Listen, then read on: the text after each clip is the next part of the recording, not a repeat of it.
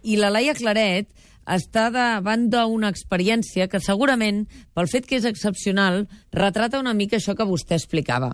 Uh, és un projecte d'integració que es diu uh, En xarxa. Laia, explica a l'Ignacio i també a la resta dels oients del Matí de Catalunya Ràdio. Hola, bon dia. Doncs mira, actualment eh, aquest projecte en xarxa treballa amb una trentena de noies de 10 nacionalitats diferents, la majoria del Pakistan. Jo sóc al barri Besòs Maresme, a tocar de la mina, tinc al costat la Sadia, té 15 anys i en fa 4 que viu a Barcelona. Bon dia. Bon dia. I també tinc al costat la Sulaika, que en té 17 i en fa 6 que viu aquí. Bon dia. Bon dia. I al seu costat, la Ina Coscollola, de l'associació en xarxa, que juntament amb l'Agència de Salut Pública de Barcelona, el districte de Sant Martí i la Fundació de l'Esport i Educació de Barcelona del barri d'aquest Besòs Maresme, doncs participen en aquest projecte que es diu En I xarxa. què fan les noies pakistaneses en aquest projecte? Som en aquesta zona, tenen aquí, podríem dir, una zona de trobada, una um, aula dins d'un casal, aquí venen, parlen entre elles, parlen en públic, perquè moltes noies estan acostumades, i a més a més tenen un equip de futbol femení fa 3 anys que tenen el primer equip femení de críquet català que no n'hi ha cap altre. Així és. Aina, a veure, per què cal aquest projecte? Maïssa, explica'ns-ho. Bé, bon dia. Um, Bon dia. En el cas de les noies pakistaneses, que és amb qui s'engega el projecte, cal perquè queden invisibilitzades.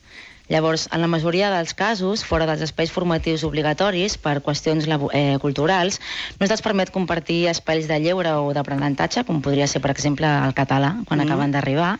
Quan dius no se'ls permet, entenc a casa, no? Diuen, ostres, de casa a l'escola i de l'escola a casa, no? Mm, no en la totalitat dels casos, sí en la majoria. Llavors, um, bueno, per tant, calia donar una cobertura en, en aquesta població, en aquestes joves, oferint un espai on se sentissin vinculades i es trobessin amb altres joves que estiguessin exactament o, o en una situació molt semblant. Vale, què pretén el projecte? El que pretén és, el que et deia, és crear un espai segur i de referència on les noies em sentin, sentin amb la confiança i la llibertat de compartir els seus interessos i les seves inquietuds. I elles com ho De viuen, manera més això? concreta, el que el projecte pretén és fomentar l'autoestima, eh, la inclusió social i l'apoderament de les joves. Tinc al davant la Zulaika. Ella fa un any i mig que em deia que li costava molt de parlar en públic. Ara és capitana de l'equip de críquet i, a més a més, ha fet un curs de monitors d'esport. A veure, Zulaika, primer de tot, Maïssa què vol dir? Per què veu posar-li aquest nom que, de fet, li veu posar vosaltres en aquest projecte? Què vol dir? Maissa vol dir caminar amb orgull, però quan vam començar el projecte es deia Espai de Trobada de Noies Mm. i vam pensar, l'Aina i nosaltres, que aquest nom quedava una mica soso. Per això, les noies de Pakistan vam escollir aquest nom, que és, que és en urdu, i vol dir caminar amb, amb orgull. Vosaltres veniu aquí, parleu entre vosaltres, abans em comentàveu a, a, algunes de nosaltres ens fa vergonya parlar en públic o fins i tot parlar entre nosaltres, no? això que tinguem de reforçar una mica, una mica l'autoestima. Fa a, a, aquest projecte, quan vau arribar i els hi vau dir als vostres pares jo no vull anar de casa a l'escola i de l'escola a casa, jo vull fer una altra cosa. Com, com van reaccionar els pares? Què van dir? Normalment els pares no ho, no ho veien clar perquè eh, pensen que és una cosa dels nois fer l'esport i també tenen una mentalitat una mica machista i diuen que les noies només serveixen per fer les tasques de la casa. Per això va ser una mica difícil, Mm? però ara estan canviant i després d'un esforç de 3 anys i mig, ara som 15. Ara sou 15 aquí. Sí. Sí. Eh, Abans em comentava la Ida que tu ets una mica com la líder, no? Em deia, ostres, és que gràcies a la Zulaika, que ha fet un canvi brutal des que ha arribat aquí, hi ha noies, hi ha veïnes que venen aquí, a l'espai, no? N'hi ha d'altres que potser no venen, t'agradaria que vinguessin Sí, algunes sí, veïnes moltíssim, teves? Per sí. què no venen? No sé, els pares diuen que no, directament, ja està. Saida, a la comunitat pakistanesa moltes vegades hi ha matrimonis de conveniència, no? Allò els pares diuen amb qui s'han de casar les filles. Això passa, és cert? Sí, passa molt. I vosaltres podeu escollir, per exemple, el xicot que voleu, amb qui us voldreu casar? No, no podem. No. A tu t'agradaria? En la majoria dels casos, eh, insisteixo, a tu t'agradaria poder triar el xicot amb qui et sí, volguessis a casar? mi m'agradaria molt. Perquè, clar, vosaltres si aneu de casa a l'escola, o sigui, podeu tenir relació amb nois fora de l'escola? Podeu anar al cine, per exemple, les dues, amb un noi?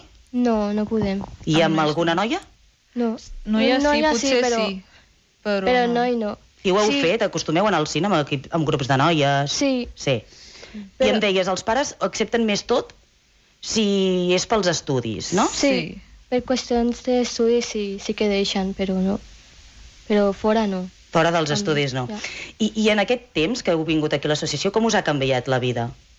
Jo, per exemple, quan vaig venir no sabia parlar català, tenia molta vergonya, no parlava en públic. Ho corroboro. Sí, i ara eh, venint aquí, ara he fet un curs de monitora d'esport, de no fer esport eh, totalment, Mm. eh, soc la capitana del meu equip de críquet. Clar, imagineu-vos. I vosaltres creieu que amb els vostres fills actuareu com actuen els vostres pares? Per exemple, els deixareu anar al cinema? O els deixareu tenir parella? O... Sí, sí que deixarem. Sí, clar que perquè, sí, perquè... pensarem en nosaltres mateixes perquè pel que hem passat, Mm. doncs sí, sí que deixarem. Doncs, Laia, jo crec que millor exemple que aquest eh, del discurs que ara estava fent Ignacio Zembrero és difícil de trobar. Moltes gràcies per aquest retrat. Una abraçada. Adéu, bon Adéu. Zembrero